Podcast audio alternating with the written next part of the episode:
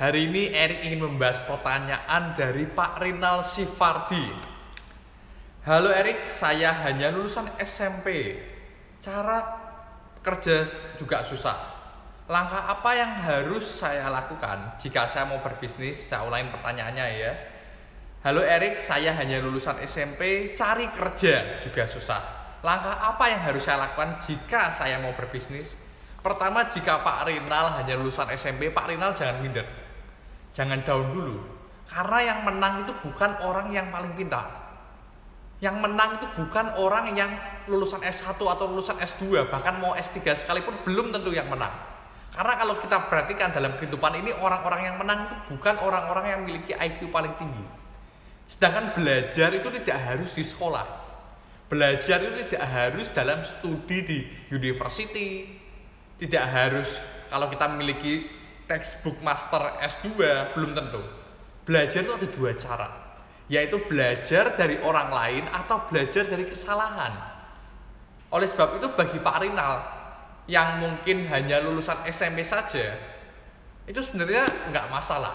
Kalau Pak Rinal punya kemauan, kalau Pak Rinal punya keinginan, orang di dunia sering berkata kalau ada kalau kita mau pasti bisa. Memang itu betul, ada betulnya. Oleh sebab itu hal yang pertama sebelum kita maju bertempur untuk berbisnis adalah belajar sebanyak-banyaknya. Belajar dari orang lain, belajar dari kesalahan. Ini harus imbang karena kalau kita teori-teori saja melulu, kita hanya belajar dari membaca buku saja itu memang bagus. Tetapi itu saja nggak cukup. Kita harus juga memiliki banyak pengalaman-pengalaman sehingga jam terbang itu juga menentukan Pak Rinal. Yang pertama yang bisa Pak Rinal lakukan adalah belajar secara otodidak, belajar dari orang lain. Siapa orang yang bisa Pak Rinal pelajari? Pak Rinal bisa membaca buku dari orang tersebut. Pak Rinal bisa menyaksikan video YouTube orang tersebut.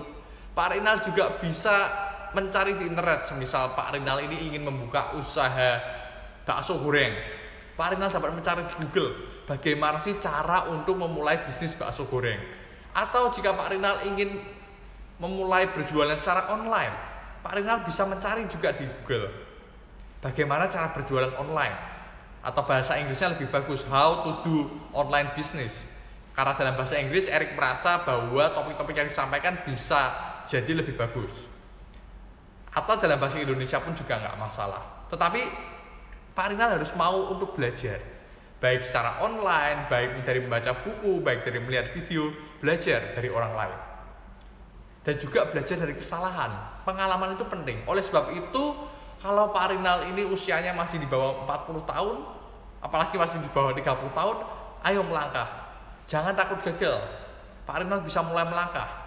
Kalau Pak Rinal kerja di tempat lain nggak diterima, kerja di tempat yang lain nggak terima, memang betul, usaha sendiri saja juga tidak masalah. Jangan dijadikan uh, penghalang Pak Rinal yang tidak lulus SMA ini atau tidak lulus kuliah ini menjadi momo atau menjadi penghalang bagi Pak Rinal untuk memulai usaha sendiri. Jangan. Baik siapa pun, kalau Pak Rinal perhatikan orang-orang kaya di Indonesia, banyak sekali orang-orang kaya di Indonesia yang hanya lulusan SMP ada loh. Coba Pak Rinal lihat, Menteri Susi itu lulusannya apa? Saya dengar dia bukan lulusan tinggi-tinggi sekali kok. Kalau Pak Rinal lihat, Eh, orang-orang uh, terkaya di Indonesia bukan orang-orang yang S2 atau master bukan. Jadi Pak Rinal dapat belajar dari otodidak, belajar dari membaca buku orang lain, belajar dari uh, kesalahan-kesalahan yang Pak Rinal pernah lakukan atau belajar dari pengalaman orang lain, belajar dari kesalahan orang lain itu juga bagus. Kita juga, jangan hanya belajar dari kesuksesan orang lain, jangan. Tetapi kita belajar dari kegagalan orang lain sehingga kita waktu memulai bisnis tidak harus melakukan kesalahan yang sama seperti yang orang lain pernah lakukan. Belajar dari kesalahan orang lain. Kenapa kok bisnis orang lain bisa gagal ya? Kenapa kok bisnis orang tersebut bisa gagal ya? Karena dari 100 orang lebih banyak yang gagal loh daripada yang berhasil. Kalau kita hanya melihat yang berhasil saja memang itu bagus, tapi kita juga perlu belajar sehingga kita tidak melakukan kesalahan yang sama seperti yang orang lain lakukan.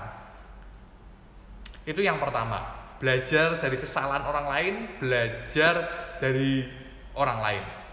Yang kedua adalah Pak Rinal perlu memiliki komunitas. Karena Pak Rinal ini kan e, ingin memulai bisnis usaha sendiri. sebagai orang yang ingin memulai bisnis usaha sendiri biasanya komunitasnya belum tentu banyak oleh sebab itu Pak Rinal perlu milih komunitas bukan yang negatif bukan komunitas orang yang berkata pada Pak Rinal wah kamu ini cuma lulusan SMP apa bisa kalau kita mendengar perkataannya seperti itu bagaimana kita bisa semangat wah susah loh mau mulai bisnis loh karena kita ingat ingat Pak Rinal ketika kita ini sedang ingin memulai bisnis ketika kita ini sedang ingin memulai usaha, pasti ada banyak orang yang berusaha untuk menjatuhkan kita. Apalagi kalau kita sedang dalam tahap merangkak. Orang belum melihat buktinya, orang belum melihat hasilnya.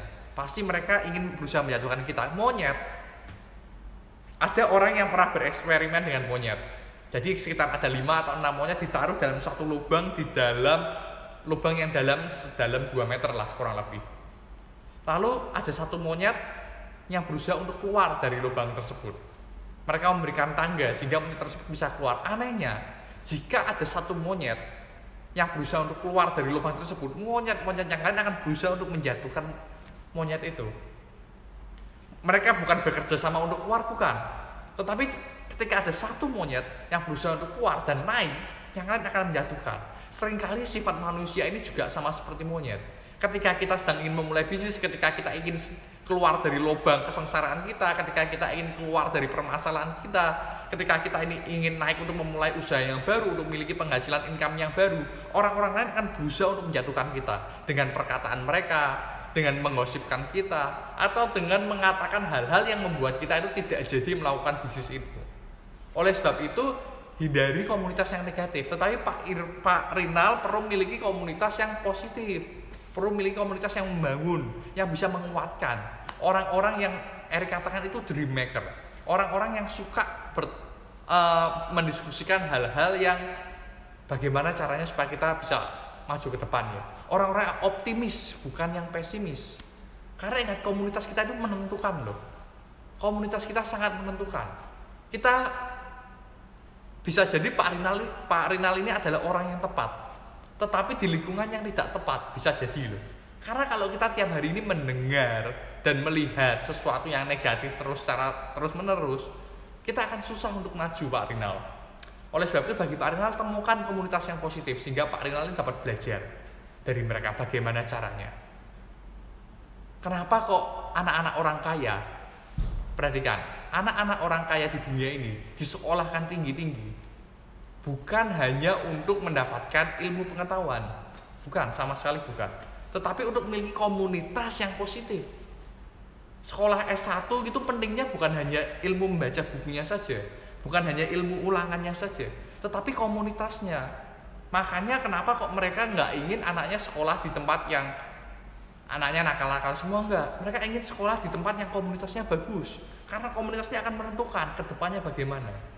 Kalau semisal Pak Rinal ini adalah orang yang sangat baik, orang yang sangat berbakat, orang yang sangat pintar, tetapi tinggal di komunitas yang salah, akan sangat susah untuk berkembang. Apalagi kalau Pak Rinal ini lagi sedang dalam berusaha untuk memulai. Berbeda cerita kalau Pak Rinal ini orang yang sudah mantap, sudah jadi, Pak Rinal masuk komunitas yang negatif, Pak Rinal ubah mindset mereka bisa. Tetapi ketika Pak Rinal sedang perangkat, hati-hati.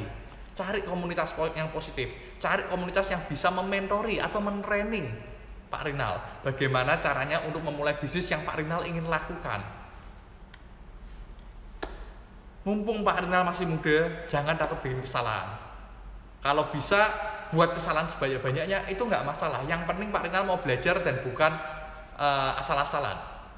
Kalau seorang bermain bola basket, bagaimana caranya untuk bolanya supaya nggak nggak masuk? Bagaimana caranya supaya setiap kali melempar bolanya tidak ada yang tidak masuk gampang, nggak usah melempar. Sama halnya dengan bisnis. Kalau kita bisnis nggak mau gagal sama sekali, kita bisnis nggak mau apa yang ngalamin kegagalan, lebih baik kita nggak usah berbisnis. Ingat perkataan Rocky Balboa dalam filmnya, bagus sekali, Erik sangat suka. Kehidupan ini bukan seberapa keras kita bisa memukul, bukan. Tetapi seberapa keras kita bisa kuat untuk dipukul dan tetap berdiri. Seberapa keras kita bisa terus dipukuli orang tetapi bisa berdiri. Sama halnya dengan kehidupan bisnis. Seringkali itu tak nggak gampang. Makanya kita nggak bisa kalau kita itu cengeng atau mengasihani diri sendiri. Wah saya ini cuma lulusan SMP wah saya ini nggak berbakat. Nggak bisa. Kalau kita mengasihani diri sendiri nggak bisa. Kalau kita mau mulai berbisnis, kita nggak bisa pakai style film Korea yang nangis-nangis mengasihani diri sendiri nggak bisa. Kita harus maju. Kita harus jadi pasukan. Kita harus jadi warrior. Kita harus jadi orang-orang yang berani untuk uh, berperang.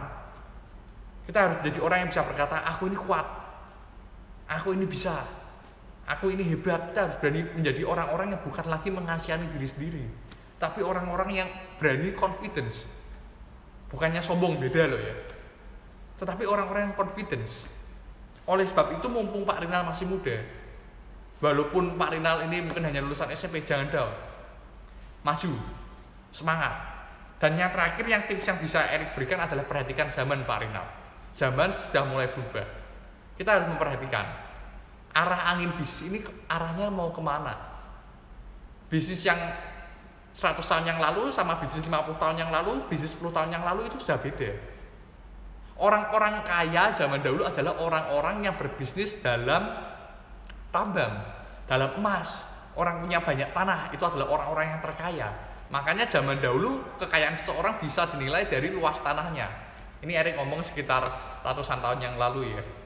Lalu tiba-tiba pada tahun sekitar 1800-1900 masuk ke masa industrial revolution di mana orang-orang yang kaya bukan lagi orang-orang yang memiliki tanah atau emas atau tambang tetapi orang-orang yang mempunyai pabrik. Zamannya sudah mulai berubah. Muncul pabrik-pabrik baru. Banyak pabrik-pabrik baru. Dan kalau anda perhatikan di Indonesia orang-orang yang kaya pun sebenarnya bisa dibilang orang-orang memiliki pabrik-pabrik besar. Masih di tahap itu masih sebagian di tahap itu tetapi zaman sekarang mulai berubah lagi orang-orang yang kaya adalah orang-orang yang menguasai teknologi Coba Anda perhatikan, 10 orang terkait di dunia, 5 orang terkait di dunia.